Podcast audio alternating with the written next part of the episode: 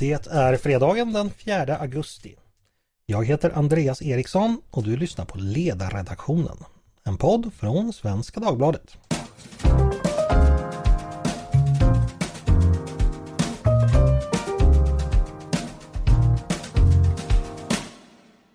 Varmt välkomna ska ni vara till oss igen. Det har redan gått en helt ny vecka och det har blivit dags att sammanfatta. För de flesta av er kanske det varit ännu en lugn vecka bakom abborrsflötet eller i solstolen. Men ute i världen är det ju sällan så lugnt. Vi ska försöka samla ihop oss kring allt detta som har hänt och se vad vi kan finna ut för rimliga slutsatser kring det. Och för att göra det har jag som vanligt på fredagar samlat runt mig några av mina klokaste och mest skarpsynta kollegor. Och just idag heter de Peter Wennblad, Mattias Svensson och Henrik Dahlgard. Varmt välkomna alla tre! Tack så mycket! Tack så mycket! Peter, du är tillbaka från semestern. Har du haft det bra? Eh, mitt, mitt svar blir faktiskt nej. Jag har inte haft det särskilt bra. Nej, men, men se där. En ganska tråkig sommar. Ja. Alltså vä vädermässigt har den ju varit otroligt medioker. Eh, det har varit, vi har inte haft semester samtidigt till familjen.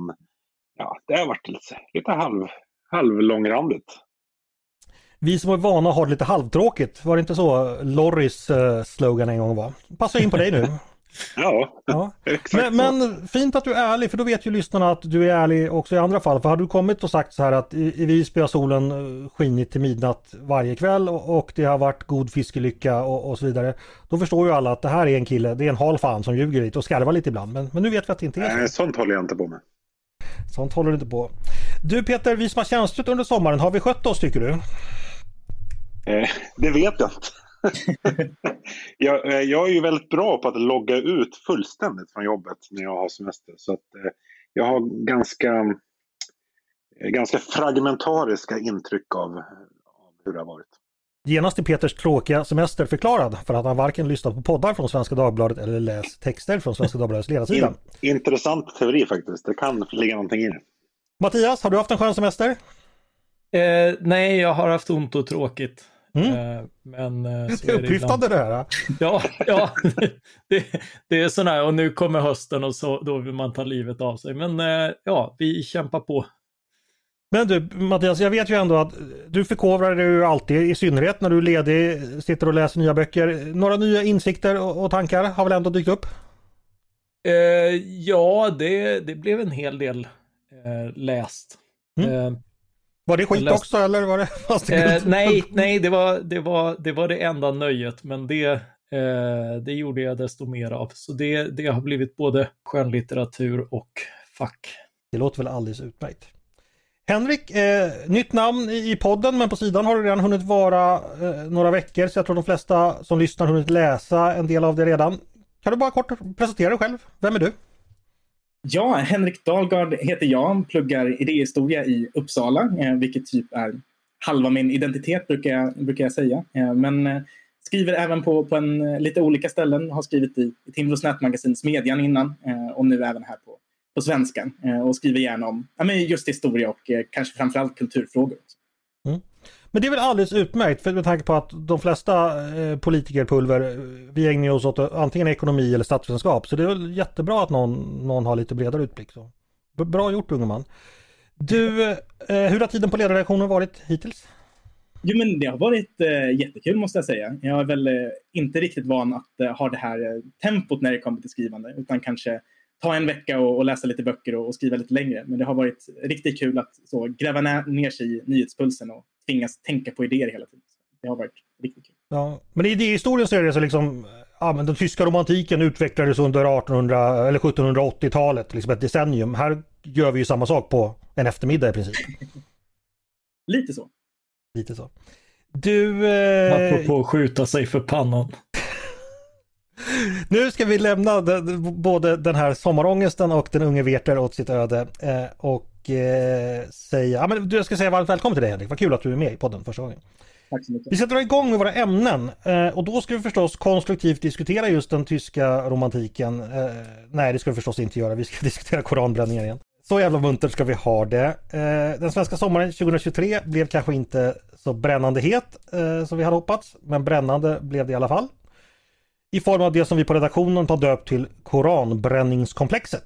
Det vill säga den malström av kulturkrig, påverkansoperationer och helt vanlig politisk debatt som följt på de koranbränningar förra påsken som ledde till omfattande kravaller och motsättning och de vidare bränningar och bråk som varit sedan dess.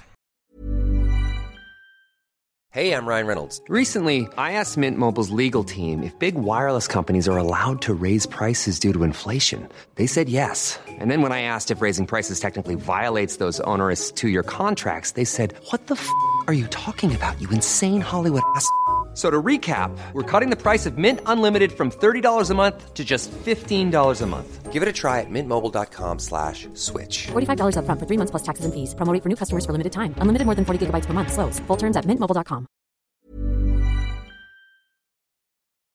I veckan har väl eh, följande hänt. I onsdags, den 1 augusti, tisdags var det för, för övrigt, eh, kallade statsminister Ulf Kristersson och justitieminister Gunnar Strömmer till presskonferens och berättade då att man vidtar flera olika åtgärder med anledning av den här korankrisen.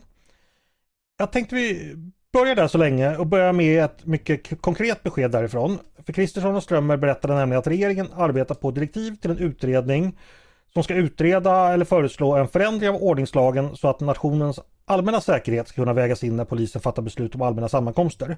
Idag kan nämligen inte det göras, vilket ett antal domar eh, från förvaltningsrätten har visat den senaste tiden. Polisen får bara väga in säkerhetsläget lokalt, det vill säga på själva platsen för den allmänna sammankomsten. Detta vill man nu ändra. Jag tänkte vi ska börja med en väldigt tidig variant av svar direkt. Är det här bra? Ja eller nej? Peter? Ja. Mattias? Ja. Henrik? Nej. Nu, nu, nu står det så här i mitt manus Peter. Varför är det här bra? Jag måste haft en vag föraning här alltså. Kanske eftersom jag skrev om det här i, i veckan. Ja, men men jag, måste börja, jag måste börja med att invända lite grann mot, mot din beskrivning att det kom konkreta besked. För det var ju ärligt talat ganska vagt. Det, det var något om att det, det arbetades med direktiv till att eventuellt tillsätta en utredning för att eventuellt se över ordningslagen. Så att det var inte så det. Det är sant och vi ska återkomma till den här lilla osäkerheten. Men, men vi bara då eh, låtsas att det här är den vägen man, man, man landar i till slut. Peter, varför tror du att det är bra? Eh, jag tycker att vi kan liksom ställa den här koranbränningen åt sidan. Alltså koranbränningen och koranbränningskrisen har liksom aktualiserat den här frågan. Men om vi låtsas att vi befinner oss i för fem år sedan, om någon hade frågat mig så är det rimligt att när man ska pröva tillstånd för en allmän sammankomst och demonstration bara får ta hänsyn till säkerheten på platsen? Då hade jag tänkt så här, ja det är väl lite som att kika i ett sugrör. Alltså det blir väldigt, väldigt avgränsat. Eh, nu har liksom koranbränningskrisen aktualiserat den här det som jag då tycker är eh, ett för snävt perspektiv. Och det, vi är många som har fått upp ögonen för att det, kan, att det kanske då är lite snävt. Eh, och därför tycker jag att debatten har hamnat lite konstigt för att det blir liksom, jag tror att jag inbillar mig att en, en del av de som motsätter sig den här förändringen eller motsätter sig att ens överväga att göra den här förändringen kanske i grunden också tycker att det är rimligt att ha ett bredare perspektiv men kan inte inta den ståndpunkten för det skulle då vara att kröka rygg eller böja sig för mörka krafter. Du utvecklar den här positionen också i en text i veckan och den nu blev jag lite osäker på dagen, men det var väl i onsdags eh, som regeringen hade den här Ja. presskonferensen Ja, och, och din text publicerades. Eller tis, var det tisdags? Ja, Och texten var publicerad i onsdags. Ja, i onsdags och där kan man läsa då. Om vi återgår till det här. Jag misstänker Peter, jag vet inte om du delar det, att det kan finnas en del varmluft över det här. Att regeringen eh, vill visa att man gör någonting men man tänker också att man har någon sån plan B eller något, något sidospår där man låter tiden gå och hoppas lite på att det här blåser över och då kan de där direktiven Ja, de kan väl åka till det runda arkivet och eventuell utredning tar ju två år. Och ska man ju säga då till, till arga diplomater, in Sweden we have uh, this called uh, utredningsväsende, ni får vänta två år. Att det samtidigt finns liksom en förhalningsidé här. Tror du det Peter eller uh, önsketänker jag då? Ja, jag tror kanske att det, det finns med, fast jag, jag tror faktiskt att regeringen och liksom tjänstemännen på justitiedepartementet, att det här har fått upp, alltså gjort att de har fått upp ögonen för att det här är liksom en bredare problematik, alltså att det här skulle kunna aktualiseras, inte bara när det gäller koranbränningar, utan överhuvudtaget att ordningslagen kring allmänna sam sammankomster är utformad för en annan tid. Mm. Eh, alltså vi kan ju ta exemplet nu, vi kommer in på det senare, men med det här tumultet på Järva i, eh, igår. Alltså nu säger jag inte att liksom, den typen av demonstrationer inte ska få arrangeras, men det, det illustrerar liksom den kontext, internationella kontext som Sverige befinner sig i. Mycket tack vare stor invandring, att vi blir liksom indragna i andra länders konflikter. Mm. Vi ska ta ett konkret exempel eh, på det. Eh, säg nu att lagen blir verklighet och eh, jag ska ta ett konkret men helt fiktivt exempel. Det är då att eh, en Gunnar H vill anordna en allmän sammankomst på en torg i, i S-staden. Där ska Tove L hålla tal mot Stormakts Röds aggression i närområdet. Polisen tar emot ansökan, stämmer av med Säpo som finner att Stormakt Röd ogillar detta. Detta gör att Sverige blir Stormakt Röds ännu tydligare fiende och ökar hotet mot Sverige. Polisen vägrar och Gunnar H och Tove L får sitta hemma i, i, i vardagsrummet och hålla sina appeller. Peter, var, var, var, varför är det här eh, ett bra scenario? Nej, Jag tror inte att det är inte ett bra scenario. Jag tror inte alls att vi, det är där vi, det här kommer hamna till slut. Så jag tror att blir det en förändring så kommer det krävas betydligt konkretare eh, säkerhetshot än ett allmänt ogillande. Alltså att det kommer handla om den, den typen av situationer som vi har haft nu, det vill säga att ja, men det uppstår någon slags copycat-beteende alltså, eh, och liksom det eskalerar och där, eh, och där människor liksom, ja men vi har ju sett det den senaste tiden med liksom människor med allsköns märkliga eh, motiv som liksom hänger på det här bara för att skapa oreda. Mm. Så du är inte orolig för Gunnar Hås eh, saker i det här fallet? Han kommer fortsätta få anordna sina helt fiktiva möten? Alltså jag kanske är godtrogen men jag är sällan orolig när det är liksom Gunnar Strömmer som håller i taktpinnen. Mattias, du svarade ja. Eh, hur, hur tar du dig an den här frågan eh, och vad tänker du om Peters resonemang? Eh, Ja, jag, jag, tycker han landar fel eh, därför att han tror att det finns en sån här liksom, eh, att, eh, och det är många som svävar under den villfarelsen att det finns någon slags reglage som tillräckligt kalibrerade människor kan vrida på. Så att vi, vi till priset av, av en liten justering i, i vad som får sägas och uttryckas på offentlig plats Eh, kan få ofantligt mycket mer lugn och ro i tillvaron och, och, att det går att räkna ut och göra en kalkyl av det här. Eh, och, och det, det, är lätt att fastna i den föreställningen och det tror jag är en av anledningarna till att man inte ska skriva in sådana här eh, väldigt svårkontrollerade storheter som som eh, hänsyn till säkerhetsläget i världen och sånt där i en, i en bedömning av vad som får sägas på en plats.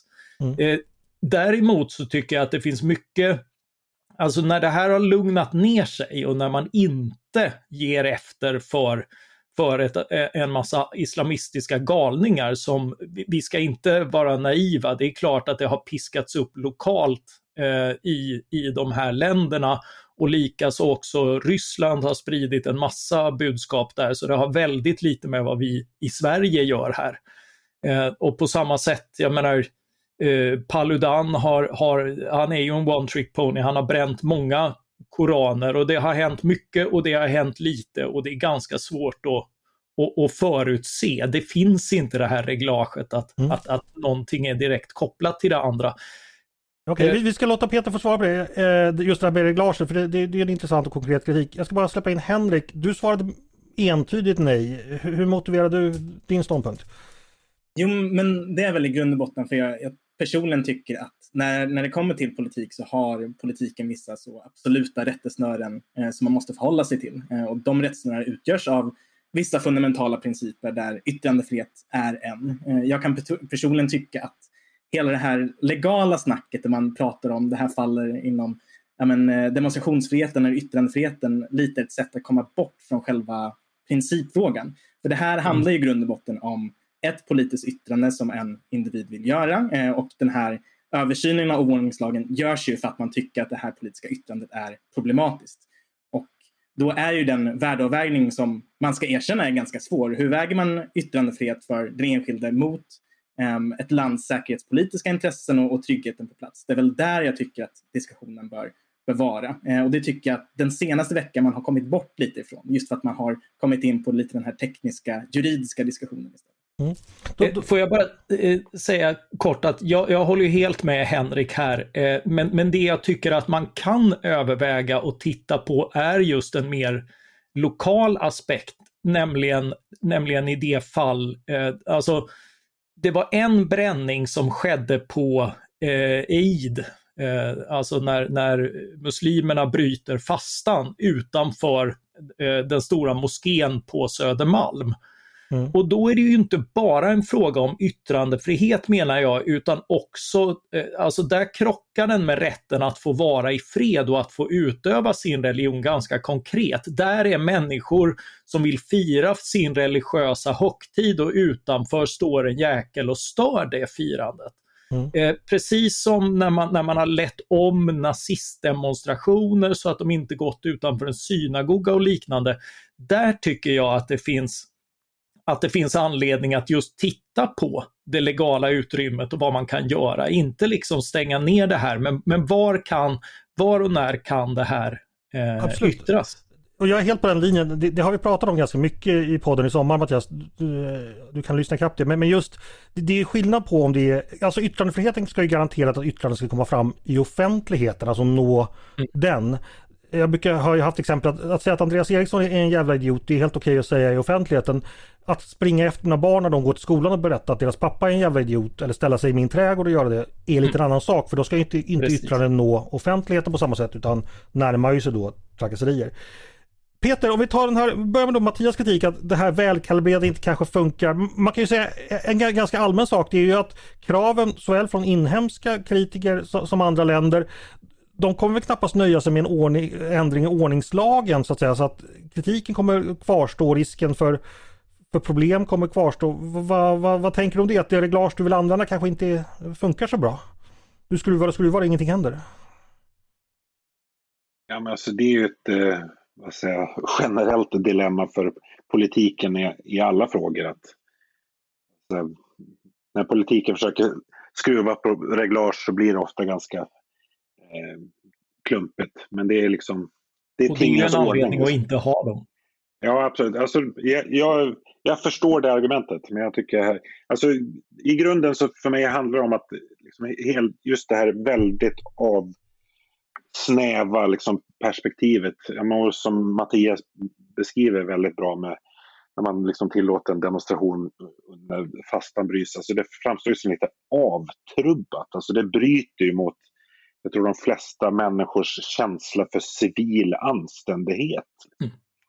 Det, det, det rör ju också en annan fråga, nämligen hur man bemöter osmakliga yttranden. För en eh, uppenbar eh, reaktion är ju då att, eh, att, att vilja stänga ner det. Det finns ju, eh, vågar jag säga, noll sympati för bokbränning som, som metod och, och, och att Eh, på så, ett så uppenbart sätt som Paludan och även eh, den här Momika eh, gör det. det. det. verkar handla mer om att, om att jäklas med folk om det nu inte rent av finns andra motiv eh, än att få och försöka få sympati för sin sak. Mm. Eh, men sen vill jag bara lägga till, alltså, jag ser inte att det nödvändigtvis handlar om att liksom stoppa demonstrationer utan ta ett, ett helhetsperspektiv. Alltså jag tror att även Henrik och Mattias kände liksom när okej, okay, bränna koran, men så här, i det här läget måste det nödvändigtvis ske utanför den irakiska ambassaden. Alltså man liksom, det, det var ju, jag tror ur ett irakiskt perspektiv var det minst lika provocerande som själva koranbränningen. Henrik, att folk bränner, bränner eh, eh, Koranen utanför för en gudstjänstlokal där folk precis har firat eh, en gemensam fest och, och ja, uttrycker sin gemensamma inte, religiösa identitet och så vidare. Peter pratar att det närmast går emot något sorts grundläggande civilisatoriska värden. Kan du se det perspektivet?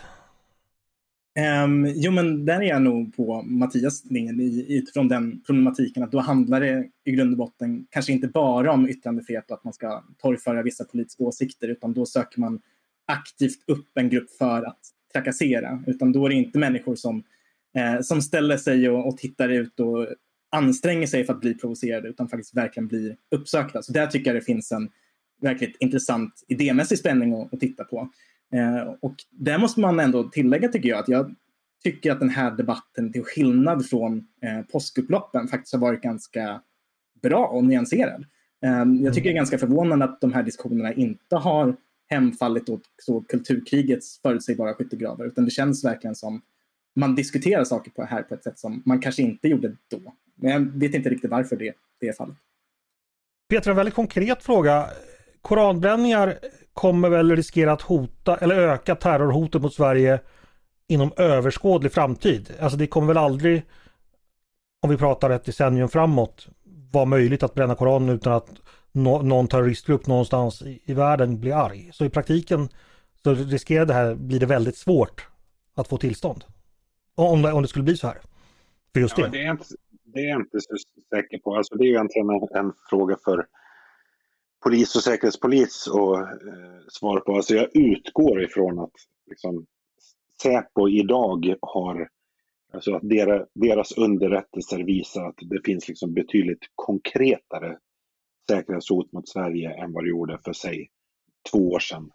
Och om två år framåt så kan vi vara tillbaka i den situationen som rådde för två år tillbaka. Eh, så det skulle jag nog inte riktigt eh, hålla med om. Nej, jag, jag håller med. Alltså det är viktigt här att inte ta det här, alltså våldsamheten för given, för då hamnar vi i just det här eh, västerländska självplågandet. Vad är det för fel på oss? Vad kan vi ändra på? Eh, snarare än den stora frågan, alltså vad, vad är det för fel på er?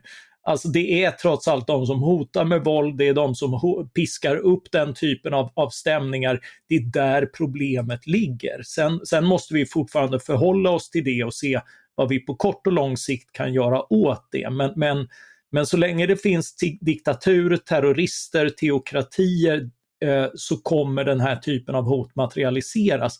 Och det är där problemen ligger. Mm.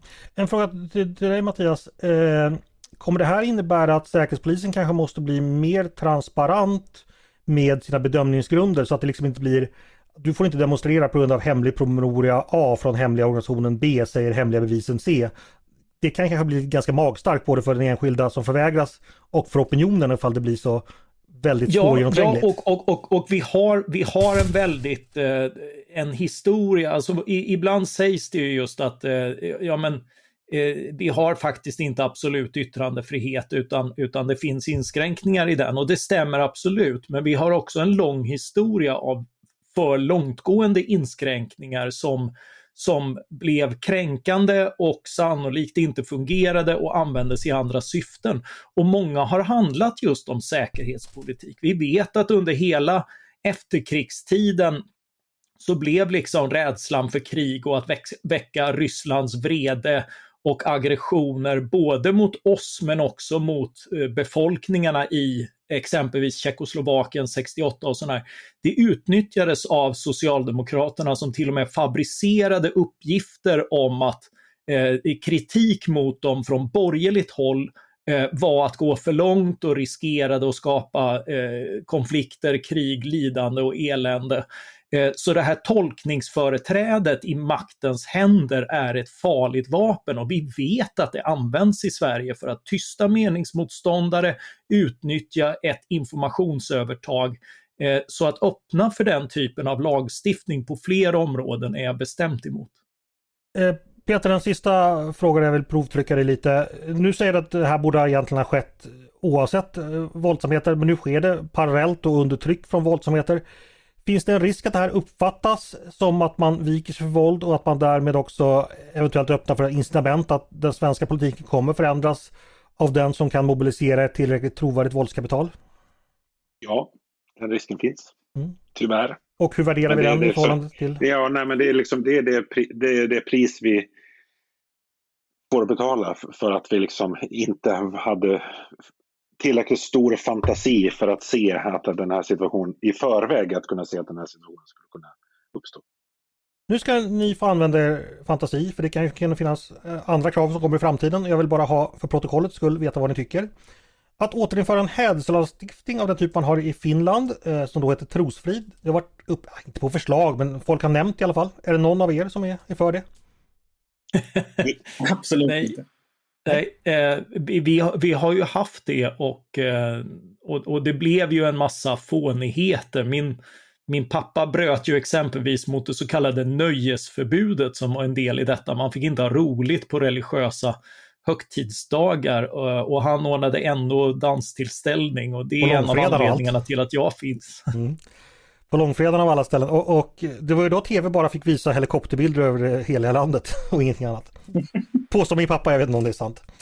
En annat förslag som har varit uppe och det har nog varit lite mer populärt det är att eh, lagen om hets mot folkgrupp på något sätt ska ändras eller anpassas så att den i praktiken fångar in koranbränningar. Någon av herrarna som är för detta? Nej. Ja, då har jag er på band. Lagen om hets mot folkgrupp är alldeles för vittgående och det här med att visa eh, missaktning, heter det va, eh, det, det borde strykas från eh, kriterierna.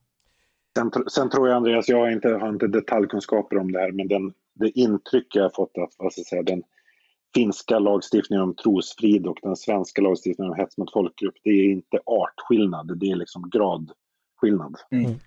Eh, Det handlar, handlar mycket om så här, på vilka grunder man kan hetsa. Liksom. Hey, I'm Ryan Reynolds. Recently, I asked Mint Mobile's legal team if big wireless companies are allowed to raise prices due to inflation. They said yes. And then when I asked if raising prices technically violates those onerous two year contracts, they said, What the f are you talking about, you insane Hollywood ass?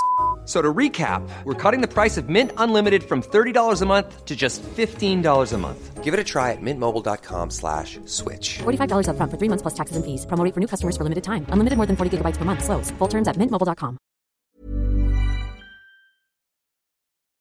Mattias, ska vi passa på att göra lite förhandsreklam? För du har ju skrivit en text om yttrandefriheten i lite bredare och historiskt perspektiv. Och den läser vi nästa vecka va? Eh, ja, den är, den, är, den är cancelled eftersom den handlar om censur. Eh, Nej, men, det ska väl eh, men publiceras? Ja, den ska publiceras, men, men någon gång i framtiden. Men bland annat så har jag lyssnat på Riksarkivet och det är, det är ett litet poddtips. De har, eh, gjorde för några år sedan ett antal program om eh, filmcensuren eftersom denna nedlagda myndighet, Statens biografbyrå, numera materialet finns på, på eh, ja, Riksarkivet. Och, och, eh, och det togs ju emot med lite större entusiasm än en del annat arkivmaterial och, och de, har, de har verkligen haft kul när de grävt och gett exempel. Ja. Och där ser man bland annat vad, vad kriterier som, det, det låter ju så fint med de här kriterierna om att väga in ett antal aspekter, moral, brottsbenägenhet och så vidare eh, och, och hänsyn till utrikesmakt. Det senare betyder ju alltid krypa för diktaturer. Just det. Eh, Jag kan också tipsa vad som också är roligt är att läsa din text och då eh, påminns man eh, väldigt tidigt om den gamla favoritfilmen Sökarna 30 år i år som då var den sista sven- svenska filmen som klipptes av Biografbyrån. Och den filmen Mattias, den kan man väl egentligen aldrig se för många gånger. Nej, den, den, den, den innehåller så mycket. Den blev ju sågad av sin samtid men... eh, men Älskad eh, också av sin samtid för vi var många som Oh ja, såg den oh ja. mycket ironiskt.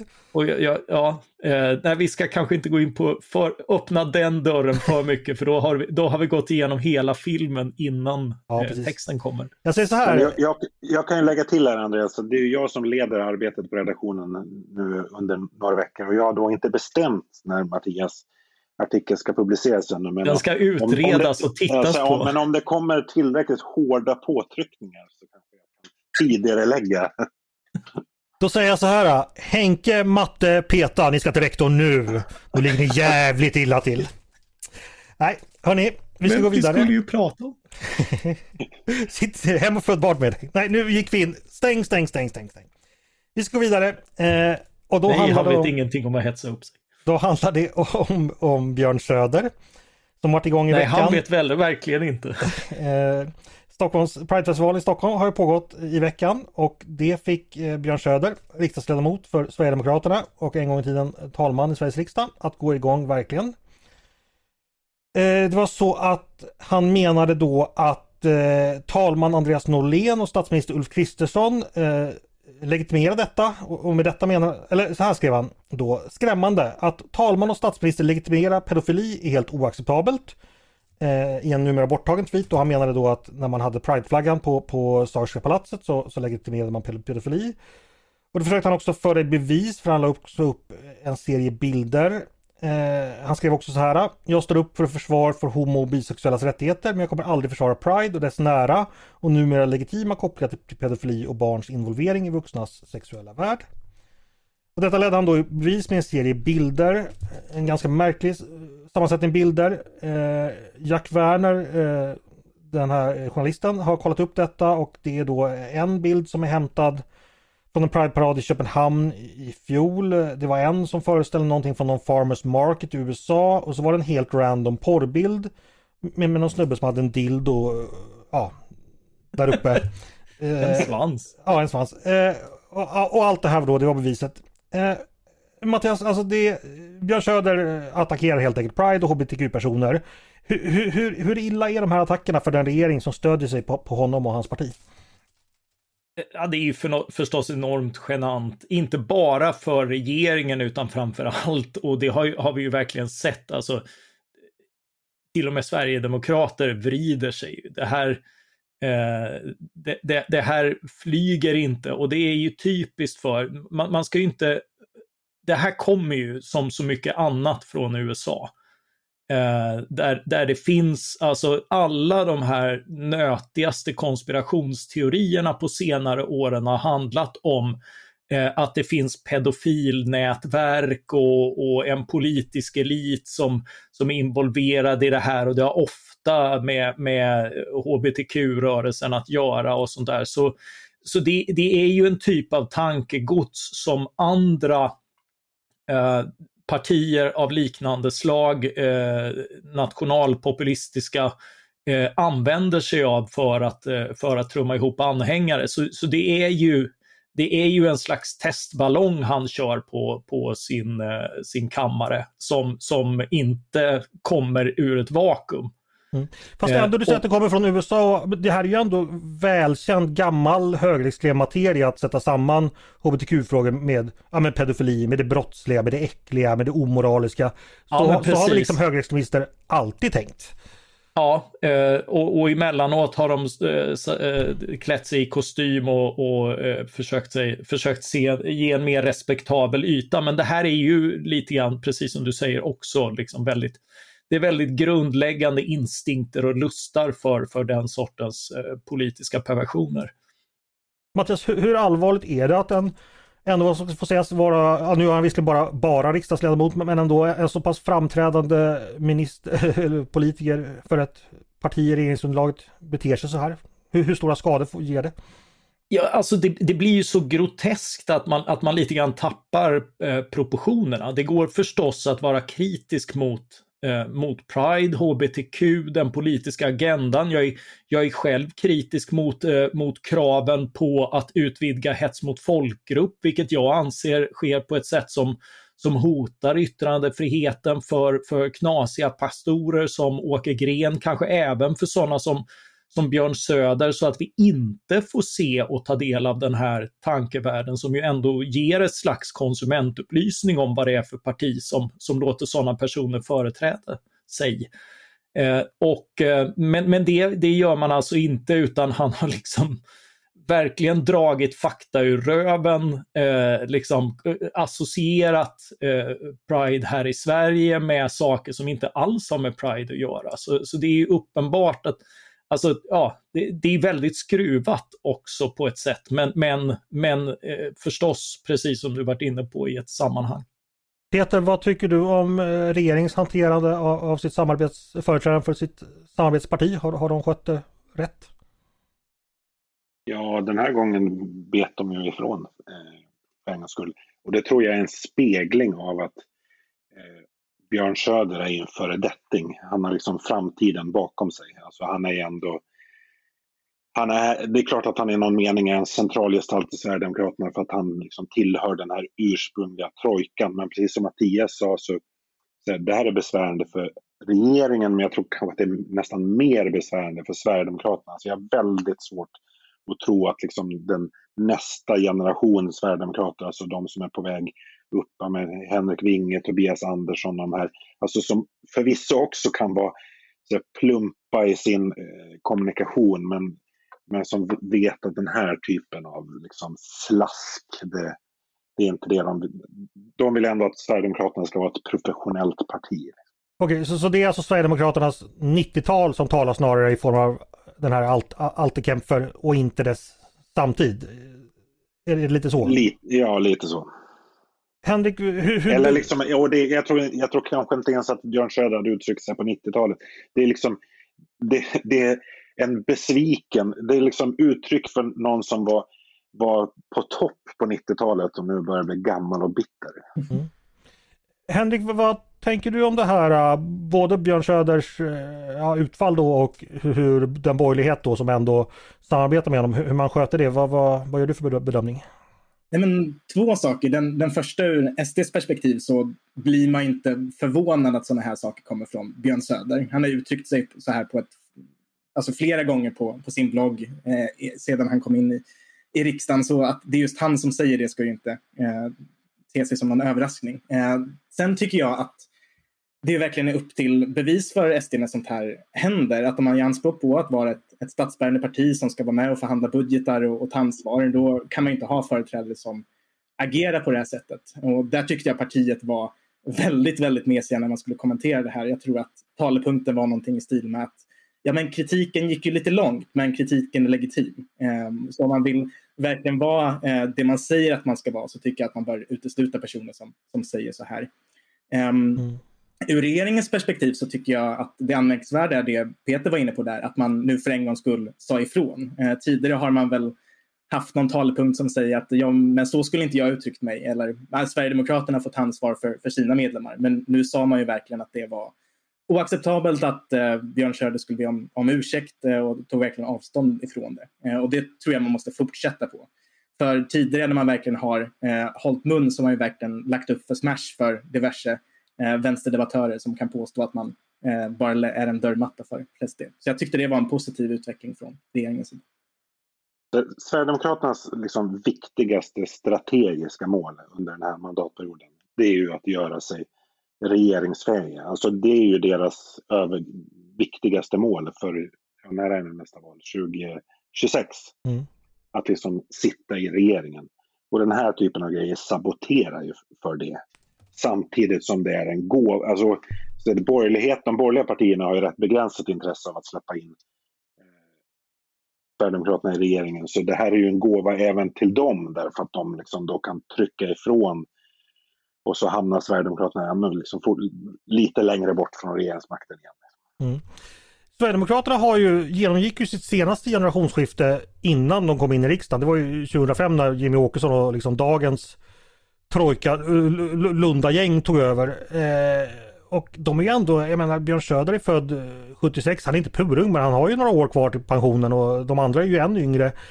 Eh, vad tror vi om det Peter? Alltså är det på gång ett... Eh, hur kommer det generationsskiftet ske och när och hur kommer det påverka Sverigedemokraterna? Bra fråga. Jag har, jag har inte den inblicken i Sverigedemokraternas inre liv men mitt Liksom intryck är ju att generationsskiftet i någon mening pågår. Alltså att en del av de som central, ursprungliga centralgestalterna har liksom glidit längre bak. Ja, men, med Kent Ekeroth är avpoliterad. Ja, men nu Björn Söder gör sig till åtlöje. Mattias Karlsson har ju intagit en liksom mer jag vet faktiskt inte riktigt vad, exakt vad hans roll är. Han är väl lite grå. Han kanske ska starta en tankesmedja igen. Ja. ja det, var, det borde någon berätta. Vilken idé. Han, så. ja. Men är inte han lite grå eminens som tänker till lite på Facebook ibland sådär mest numera? Ja. Nej men och det var ju ingen i det gamla gardet som... Eh, alltså Jimmy Åkesson kom ju inte till Almedalen i år utan det var... Nu önskar jag att jag kommer ihåg vad hon heter men det gör jag inte. Men det var också ett... Alltså, det är den där typen av signaler man får titta på när man gör sina kremlologiska analyser. Mm.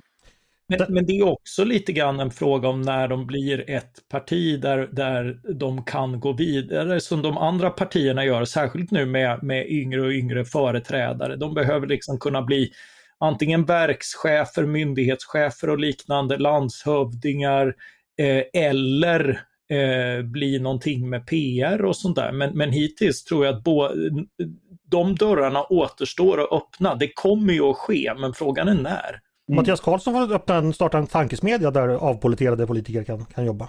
Kan, kan någon sen, tror jag, blir, blir, ett, blir det ett regeringsskifte eh, 2026, då tror jag att vi kommer få se ett rätt raskt generationsskifte. Därför att det är klart att en del av de i gamla gardet hänger kvar för att kanske någon gång få bli minister.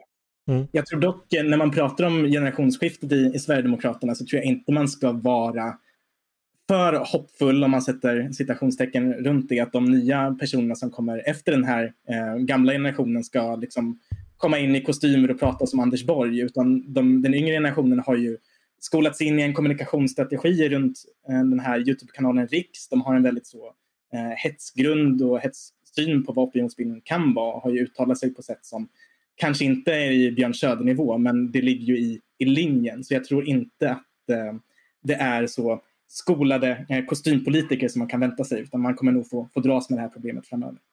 Ja, det blir nog en Helseger-generationen. Helseger-generationen. Precis. Ja, det, det, det, det är nog en viktig, viktig och väldigt relevant varning, varning Henrik. Hörni, eh, vi ska gå vidare och då blir det lite mer på Pride-temat. Eh, för då ska jag gå till dig Henrik. Och du skriver idag, eh, lite kontroversiell rubbe, eh, Sverige behöver mer pinkwashing. Du får börja med att berätta för de som inte vet, vad är pinkwashing och varför är det det bästa sedan skivat bröd? jo men pinkwashing är väl ett begrepp som används mer och mer i, i hbtq-debatten de, de, senaste åren. Och det används främst för att eh, peka på, på företag som använder pride-symboler i deras marknadsföring. Eh, och det här är väl inte en, en positiv eh, benämning utan åsyftar företag som gör det här bara för att profitera som man brukar höra på, på hbtq-personers kamp och som egentligen inte har någon någon riktig engagemang för, för hbtq-personers rättigheter. Eh, det jag vill eh, påvisa i den här texten är väl lite mer att eh, marknadsekonomi inte bara är någonting som producera varor och tjänster utan gör, och gör samhället rikare, utan marknadsekonomi är också ett sätt att förmedla idéer och perspektiv. Och trots att vissa företag är jag helt säker på jag bara gör sånt här för att tjäna pengar. Det kan ju till exempelvis handla om att eh, ha pridefärgerna på företagsloggan under prideveckan eller så. Eh, det man i praktiken dock gör när man har en sån marknadsföring är ju att man sätter Pride och dess symboler och även dess idéer i människors vardag på ett sätt som, som inte hade skett annars. Så den här kommunikationen tycker jag personligen gör att fler personer kommer i kontakt med Prides budskap. Det kanske är personer som, eh, som inte hade gjort det annars, som kanske inte hade åkt till Stockholm och kollat på, på Pride-paraden. Eh, och att de får ta del av de idéerna som Pride eh, står för tycker jag i grund och botten är någonting positivt. Du menar alltså på något sätt att marknadsekonomin gör, skänker större muskler till den här typen av värden eller engagemang så att säga. Liksom att man, kan, man kan även sälja det på en, på en marknad och det, och det är bra så att säga. Jo men precis, jag, jag tänker att det är väl ett steg i att eh, vi börjar bli så pass rika som samhällen. Att eh, konsumenten nu inte bara efterfrågar eh, prisvärda och kvalitativa produkter utan även att företag ska representera vissa idéer. Att man vill identifiera sig med vad företag gör. Och när den efterfrågan sker så måste företag anpassa sig efter vad konsumenten efterfrågar. Och när de gör det, oavsett om det är för genuint engagemang eller för att enbart göra något ondskefullt som att tjäna pengar, så gör man ju i praktiken att vissa typer av idéer sprids. Eh, och det tycker jag är en bild av marknadsekonomi som måste komma fram lite mer. Att just inte bara handlar om det här materiella utan det finns idéer i botten också. Erst kommt das Fressen, dann kommt uh, eh, Pride. Eh, en fråga, du tar ju också upp att det har förekommit eh, kritik mot, mot det här begreppet pinkwashing och inte bara från vänstern. Så här skrev exempelvis Adam Sveiman i GP. Eh, konsumenterna är inte intresserade av en ideologisk marknad. De vill ha företag som gör sitt jobb, levererar prisvärda produkter och inte hycklar om sitt samhällsansvar. Varför tänker du att han går fel där? Men det är väl det, det jag tror man går fel i just den här lite, skulle jag beskriva, ensidiga synen på, på marknadsekonomi, att det enbart handlar just om prisvärda produkter. Jag tror att marknader och människors preferenser på marknader är mycket mer eh, nyanserade än så. Att vi efterfrågar Eh, dels det materiella men också mer de här idéerna. Eh, sen kan jag hålla med en, en del av den borgerliga krit kritiken av att många av de här företagens marknadsföring är ju väldigt, väldigt ytlig och ganska fånig ibland. Eh, och att det kanske blir lite väl ensidigt i, i perspektiven. Så, så där tycker jag att det finns en, en legitim kritik. Eh, men i grund och botten att fler människor får se en prideflagga tycker jag är någonting bra. Jag släpper in Mattias här, för det här anknyter till en, till en gammal diskussion vi haft eh, kring exempelvis CSR kallades det här någon gång i tiden. Alltså att företag som tar på sig rollen även som, som samhällsaktörer på, på olika sätt och vissa värden. Och det har man ju från eh, vårt håll ibland varit kritisk mot. Jag tror du även har varit det Mattias. Va, kan, kan du reda ut lite det här för oss, vad du tänker?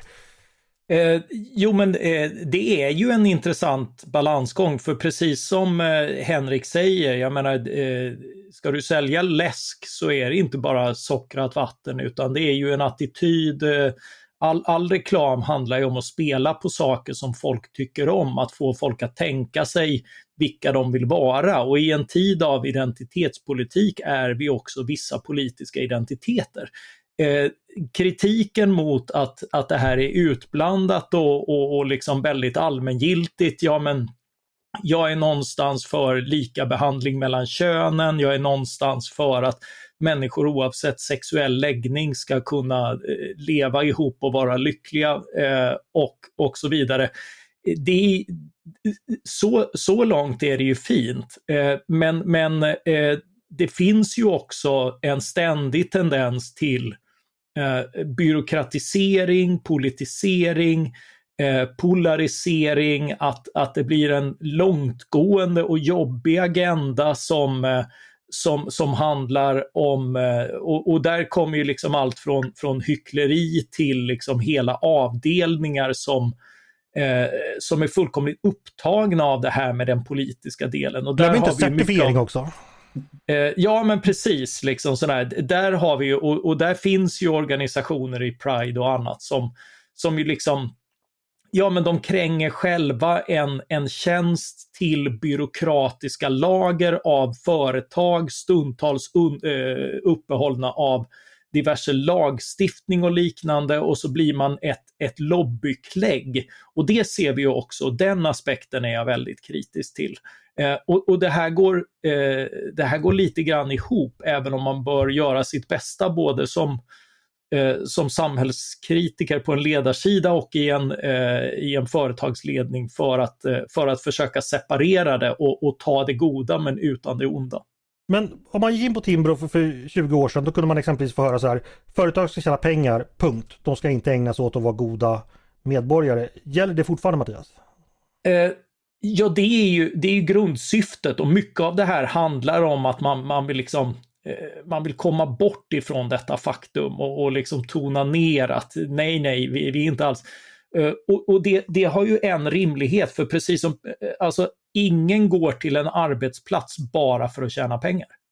Uh, alltså det, uh, och, och, ingen startar företag bara för det, utan det finns alltid andra aspekter av det. Uh, stor, för, för, några är de stora och dominerande, för andra är de, är de mindre. Men det finns hela tiden, så det är någonting man aldrig kommer bort ifrån. Och läser man Milton Friedmans ursprungliga eh, artikel kring det här så är det helt klart vad han kritiserar är när företagen förlorar fokus från att kärnverksamheten är att leverera bra produkter som kunderna efterfrågar. Och det är i den leveransen som man kan addera mervärde genom sånt som, eh, som Henrik är inne på, en, en känsla av att man man är med de goda och, och, och, att det här speglar vem, vem jag tänker mig att jag vill vara. Eh, men, men när det blir självändamål och, och eh, fokus som, som liksom stör eh, kärnverksamheten, eh, då är det förfelat och blir ofta väldigt dåligt.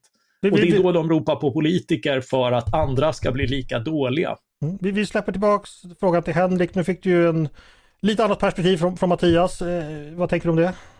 Jo, men eh, jag håller med om, om, om stora delar. Eh, sen kan jag tycka att det som är så fint med marknadsekonomi, om man ska ta just den här eh, diskussionen om eh, företags uppgift och vad, vad huvudfokus ska vara, är ju att marknadsekonomin är ju otroligt anpass, anpassande och den anpassar sig just efter de mål och preferenser som konsumenterna har, de som människorna som agerar på marknaden har. Um, och om människor enbart vill känna sig som, som goda, progressiva, medvetna människor så kanske det, ja, det gör inte mig så mycket egentligen.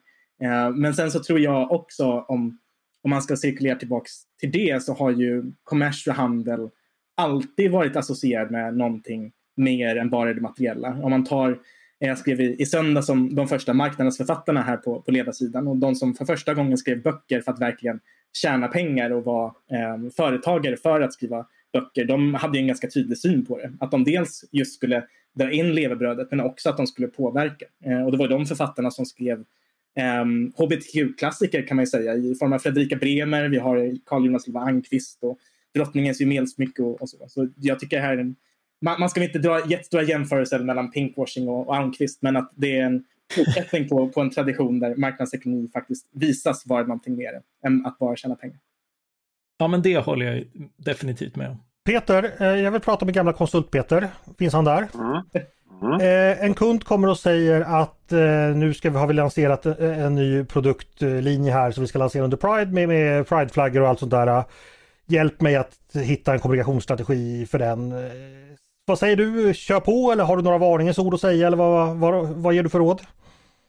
Ja, om jag kan fakturera så säger jag på. vad, vad har du för budget? eh, ja, men jag skulle i, i, vad ska jag säga, i den här eh, nu, nutida kulturkrigsmiljön eh, som vi befinner oss i så skulle nog mitt liksom, konsultråd i det här fallet vara att tänka igenom det väldigt noggrant och vad, vad ska jag säga, ha, en, en, vad ska säga, en djupare baktanke och bara ha vad ska säga, förbereda svar på den kritik som kan komma. För när man har eh, slängt fram Kakan Hermansson för, för att liksom marknadsföra någonting och det kommer upp gamla citat och sådär, då vill man ha bra Q&A klara helt enkelt. Exakt. Hörrni... Men det är också, alltså jag, jag tror att fler kommer att dra sig med den här nya flaggan. Herregud, har ni sett den? Ja, det var ju verkligen en grafisk vadå, finns det en ny, katastrof. Finns det en ny alltså. Pride-flagga eller? Ja, den är alla sådana här IQ plus eh, inklusive bajsbrunt eh, och den är jätteful. Det är, fler, det, är fler, det är, fler, färger, fler geografiska former. Det är... Grejen är att alltså, Pride-flaggan är ju en av de snyggaste flaggorna tycker jag. Det, det, ja, jag, tror och jag tror att det är verkligen... en av anledningarna till framgången. Ja, men den är ja, inte delvis. inkluderande Andreas. Ja men vad fan, det spelar inte, den är snygg och, och dessutom har ju arbetats in i 40 år. Ska de byta, är det här allvar alltså? Att den ska bytas? Ja. ja. ja. ja. vad, vad säger konsulten om det? Ja, vilken konsult har fakturerat för den här om, om, om en... Ja, hörni, eh, vi får prata mer om det vid annat tillfälle. För nu har det blivit hög tid för ett av mina favoritmoment. Eh, eller mitt absoluta favoritmoment. Det vi kallar Svar direkt. Då vi stresstestar eh, våra ledarskribenters politiska reflexer och förmåga att blixtsnabbt skilja gott från ont och sant från falskt. Det går helt enkelt till så att jag likt en smart eh, serverlektur eh, från Jocke Nyström bäddar för en forehandsmash av Anders Järryd. Och det gör jag genom att be mina kollegor ta ställning till några nyligen lagda politiska förslag eller idéer. Eh, och smashar gör man genom att ta ställning på stubben. Ja eller nej, för eller emot. Helt enkelt genom att ge svar direkt. Henrik, känner du till detta? Eh, nej, men det låter spännande. Får se om jag överlever. Mm. Då börjar jag så här. Eh, nya lagar om könstillhörighet och ett tredje juridiskt kön handlar om liv och död och är bland, den, är bland de viktigaste åtgärderna för att vända den psykiska ohälsan för transpersoner. Det skriver Muharrem Demirok och flera andra företrädare för Centerpartiet på QX Opinion. Man skriver också så här. Vår gamla lagstiftning från 70-talet behöver ersättas med en lag som inkluderar rätten till självidentifikation för sitt juridiska kön. Dessutom måste vi införa ett tredje juridiskt kön, luckra upp tvåkönsnormen och erkänna icke-binäras existens. Plockar ut ett förslag. Vad tycker ni? Måste vi omedelbart införa ett tredje juridiskt kön? Ja eller nej? Jag vill ha svar direkt. Nej. Ja, vi borde avskaffa juridiskt kön. yes. ja, så, så, ungdomen har talat. Ja, noll kön säger du. Eh, Peter säger två kön. Mattias, vad veckans Ordning och reda. Ja. Eh, Mattias, vad gör du? Var, varför landar du så eh, mellan all, all, Alltså så här, jag, jag, är helt för intentionen att, eh, att liksom skapa plats i samhället för, eh, för att det finns gränsfall, andra identiteter och liknande. Eh, men jag vill bara vara tillräckligt säker på att den här självidentifikationen inte blir en, eh, en, en rätt att hävda mot civilsamhället eller för att eh, som biologisk man sitta i kvinnofängelse och liknande saker som, som vi har sett resultera av den här lagstiftningen. Så, eh, så med safeguards mot det och därför vill jag inte stressa fram så, så, är, jag, så är jag helt för att, att, att liksom möta folk för dem de är och vill vara. Det låter som Mattias vill tillsätta en utredning som ska leverera till 2027. Hörni, vi går vidare med en till. Eh, skolstrejkaren Greta Thunberg har dömts till dagsböter för ohörsamhet mot ordningsmakten. Detta efter att ha vägrat lyda polisens instruktioner i samband med en demonstration i Malmö. Thunberg själv förneka, nekade till brott och hävdade att hon agerat i nöd. Vi kan inte rädda världen genom att följa lagen, sa hon till media efteråt. Vad tycker då redaktionen? Gör Greta Thunberg rätt som börjat bryta mot lagen för att få igenom sin politiska uppfattning? Ja eller nej? Jag vill ha svar direkt.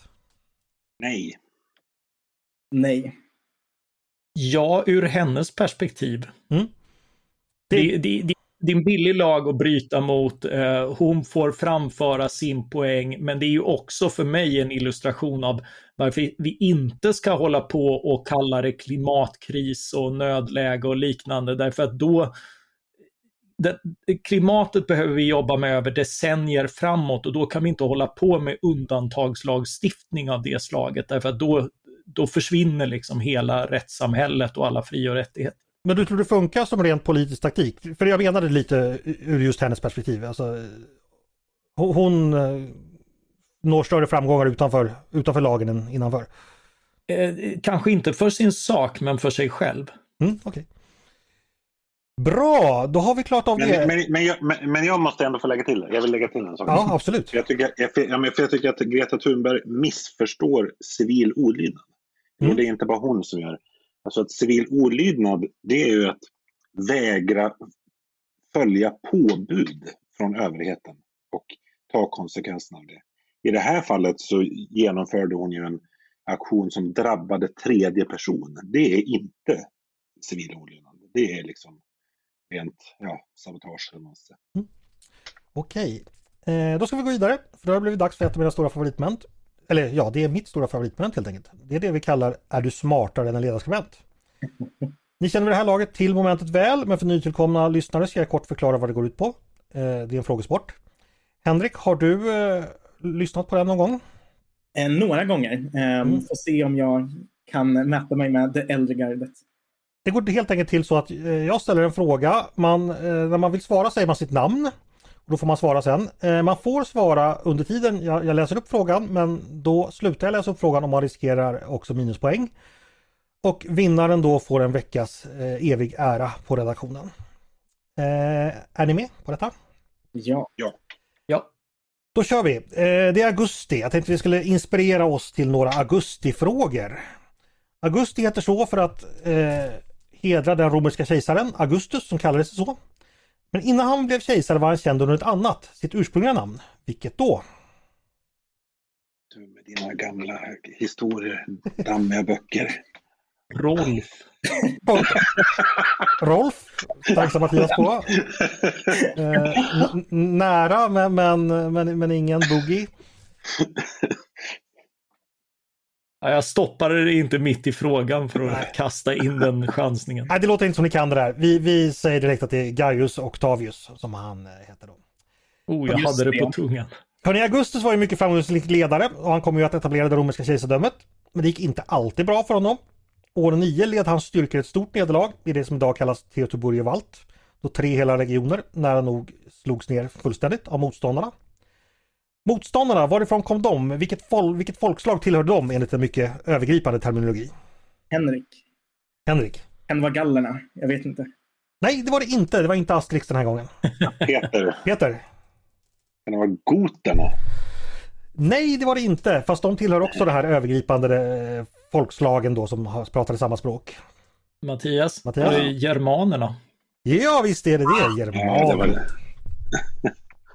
Ett poäng. Det var en allians av stammar. Det var, det var, det var, tre vad ska säga, folk från Asterix. Man kan. ja. Jag trodde du skulle börja med så här belgarna, lusitanierna och sådär. Det var en allians av olika germanska stammar under en härförare som hette Arminius, eh, som för övrigt själv var romare, han hade varit romersk militär. Mer augusti, eller August, August Palm exempelvis, känd socialdemokratisk pionjär. Vilket var hans ursprungliga yrke? Mattias, Mattias? Mäster Palm var skräddare. Visst var han det? Mäster Palm lever om. Som lämnade socialdemokratin på grund av att socialdemokratin ville eh, förbjuda alkohol. Ja. Så var det. Eh, mer augusti. Vilken musikgrupps livealbum heter 2 augusti 1985? Mattias, Mattias? Imperiet. Oj, vad händer här? Ah. Peter, har du inte lämnat semestern än? Nej, men jag gillar inte Imperiet. Så Nej, du hatar ju Thåström. ändå ja, precis. Tyvärr kunde jag det ändå. Men... Hörrni, på skivan sjunger Thåström om eh, Surabaya Johnny. Den svenska texten är skriven av Pugh Rogefeldt. Men vem skrev den ursprungliga texten? Som går exempelvis så här. Ich fragte nach deiner Stellung. Du sagtest so war ich hier stehe. Du hättest so tun mit dem Eisenbahn und nicht so tun mit der See. Du hast betrogen text. Johnny. Zur ersten En Stund. text, tysk textförfattare alltså. Ja, in, in, inte, så, inte så okänd kan jag säga. Kan det vara Mattias? Hegel? Eh, nej, det var fel. Vad så vill du svara Mattias? Eh, jag chansar på Brecht. Och det gör du alldeles rätt i. Oj! Ja, snyggt. Du hast mig betrogen Johnny, zur ersten Stund. Ich hasse dich so Johnny. Wie du stehst und grinst Johnny. Nimm doch die Pfeife aus der Maul, du Hund! Mattias leder alltså med fyra, övriga har noll poäng. Eh, jag ska påminna Henrik att du får säga ditt namn först när du ska svara. Just det. Just det. Hörni, på bio är sommarens stora händelse Barbenheimer. Den går i rosa och det går i bländande vitt. Därför har vi några frågor om dessa två huvudpersoner. Vilket företag står bakom dockan Barbie? Oh. Eh, och det här kan jag. Ni har köpt, köpt det till era döttrar eller sett deras, till era systrar eller sett... Eller, ja, det är ju din pojkar leker ju också med. Nej, men jag har ju sett det nu. Ja. Ja, det här ska man kunna skulle jag nästan säga. Ja, ja. Det, är det är tvåstavigt. det är det. Ska jag säga första bokstaven? Mm. M. M som Mattias. Det är typ något så här. Nej, jag ska inte ge någon ledtråd. Nej, svaret är Mertel. Hörrni, Robert Oppenheimer, han var ju med och tog fram den amerikanska atombomben. Arbetet skedde i Los Alamos i New Mexico. Vad hade hela det här arbet, arbetet för kodnamn? Först inoffic- inofficiellt efter dess ursprungliga geografiska placering. Peter, Peter? pratar vi om Manhattan-projektet? Precis så. Helt rätt. Ett poäng. Eh, hörni, vad heter Barbie i efternamn? Nej, det, det, det är väldigt smalt ska jag säga. Men jag kan ta direkt. Hon heter då enligt sin upphovsperson Barbara Millicent Roberts. Så Roberts. Men vet, vet ni, nu ställer jag en motfråga. Vet ni varför eh, det aldrig kom någon gravid eh, Barbie? Ja, det, det tror jag. Eh, Han kom i fel låda. Precis, Ken, Ja, Ken kom i en annan låda. Han kom i en annan... Jaha, jag trodde det var något seriöst. Men, men okej. Hörni, ja, vi fortsätter med det seriösa. Eh, när Robert Oppenheimer såg den första testsprängningen i juli 1945, eh, då har han efteråt berättat att han för sig själv viskade eller tänkte så här. Now I become death, the destroyer of worlds. Varifrån kom det citatet? Mattias, Mattias? det är från Bibeln. Nej, det är det inte. Men du är på rätt spår, det är en religiös text. Henrik, Jo, Henrik var först. ja, en hinduistisk text som är skriven av... Jag såg den här filmen förra veckan, det är uselt. Uh, Jag kan, jag kan. ah, pass. Ja, Peter du då? Jag tror att det är Gilgamesh. Nej, det är det inte. Är det, inte, är det Upanishaderna? Det är Baga, Bhagavad Gita. heter det. Så heter det. Ja. Hörni, vi går vidare, lämnar Oppenheimer och Barbie åt sitt öde. Eh, vi har pratat om inskränkningar i ordningslagen och därmed yttrandefriheten. Eh, sådana har ju förekommit tidigare i vår historia, så jag är nyfiken på vad ni kan om det. Under andra världskriget använde regeringen en metod som den tidigare versionen av tryckfrihetsförordningen gav möjlighet till, nämligen att försvåra för vissa tidningar som man ansågs farliga. De förbjöds inte, men vad gjorde man istället med dem? Mattias, Mattias? Det här är Transport. Mattias hemmaplan. Vad sa du? transportförbud. Helt rätt. De fick inte transporteras med statliga medel. Distributionsförbud. Ja. Och eftersom posten sköttes ju då av, av staten och statens järnvägar så var det så. Hörrni, en annan inskränkning i yttrandefriheten som diskuteras på 1980-talet då tv-monopolet i praktiken föll efter att parabolantenner blivit kommersiellt till- tillgängliga.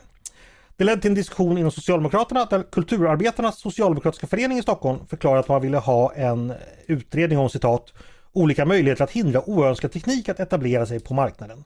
Det vill säga i praktiken att förbjuda sådana här antenner. Denna förening leddes av en framstående socialdemokratisk politiker. Peter, Mattias, Peter var först. Jävlar. Maj-Britt Theorin. Precis. Jag är så ung. Det här är, är tufft. Fast det här borde finnas med i idéhistorien du läser Henrik, för det, det är ganska Ja. intressanta. Hörni, som Det Mattias, får du ta, det får du ta upp när, du, när terminen börjar. Ja, verkligen. det kanske är censurerat det här att, att Socialdemokraterna diskuterade detta.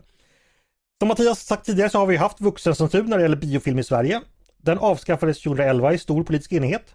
Men vilket var det sista riksdagspartiet som var anhängare av den här censuren? Alltså de som ändrade sig sist. Henrik. Det måste Henrik? vara Folkpartiet. Nej, det var det inte. Mattias, Mattias?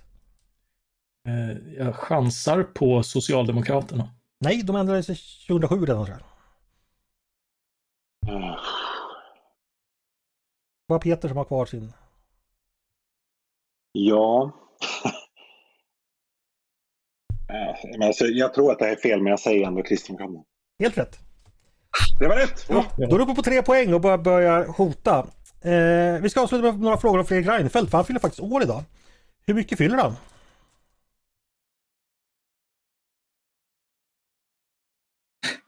Kan ni dra vars... Ja, Mattias? Ja, jag chansar på eh, 58. Snyggt Mattias! Åh jävlar! Han är född 65. Hörni, vad heter Fredrik i andra namn? Det är Rolf igen nu. Henrik. Han känns som en Josef. En Josef. Du är rätt nära där faktiskt, men han heter eh, John. Hörni, vilken av följande Fick länder... inte, fick inte vi chansen? Nej, nu, det gick snabbt här. Eh, Vilken av följande länder besökte Fredrik Reinfeldt inte som statsminister? Brasilien, Sydafrika, Mexiko, Australien, Indonesien och Japan. Henrik. Henrik? Brasilien. Nej, oh, han besökte Brasilien. Peter, Peter? Sydafrika. Sydafrika besökte han också. Eh, Mattias, Ja, eh, Indonesien. besökte han också. Han var dock aldrig i Australien. Ah, Sista frågan, det är redan avgjort men den är rolig. Eh, jag har bara själv bara intervjuat Reinfeldt en gång. Vad hade han då runt halsen? Mattias, Mattias? han hade säkert en Djurgårdshalsduk. Jag hade så önskat, men det hade han faktiskt inte den gången. Eller runt nacken kanske ska sägas. Det är ju apor båda två. Han hade runt halsen. Runt nacken. Var det en, eh, Peter, Peter? jag gissar på en stödkrage. Nej, det hade han inte. Det hade varit väldigt roligt faktiskt. Och bjöd på en stänkare. Henrik, har du någon gissning? Ja, en, eh, en kamera. Nej, han hade en hövding. Ja, vad dåligt. Vad dåligt. Hörni, det var allt jag hade att att skydda erbjuda. frisyren eller? Så det var inte en, inte en falukorv till hans fredagsgryta. Nej, men tänk om han hade haft en stödkrage, det hade ju varit fantastiskt. Hörni, eh, det var allt jag hade att erbjuda på idag. Stort tack eh, alla tre och särskilt tack till eh, och grattis till Henrik till en, till en bra debut. En stark debut här i frågesporten känner jag. Ja, du, får, du får vila till det till nästa vecka helt enkelt. Det, det, det, det finns en viss bias i frågorna i generationshänseende. Vi har, vi har hört rykten om viss sexism mot kvinnliga jurister också, Det är, eller inte, hur? det är inte bara sen. Du måste lära dig Henrik. Alltså, det är liksom riggat för Mattias. Alltid.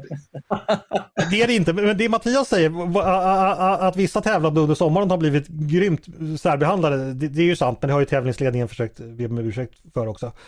Sen så är det väl, väl eh, också så, jag kan berätta att när jag bara var ungdomar under sommaren, då var det mycket frågor om Taylor Swift och sånt där som, som, som barn tycker om. Så att eh, jag, jag försöker anpassa mig.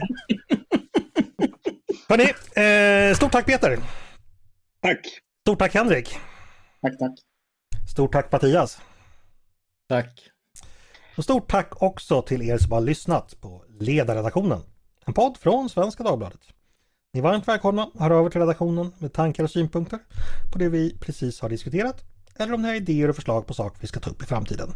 Vi kommer att ha en vecka till i sommartempo men veckan efter det, eh, den 14 augusti, så börjar vi med dagliga poddar igen. Så alla förslag är välkomna och de skickar man till ledarsidan snabla svd.se. Dagens producent, han heter Jesper Sandström. Själv heter jag Andreas Eriksson och jag hoppas att vi hörs igen snart.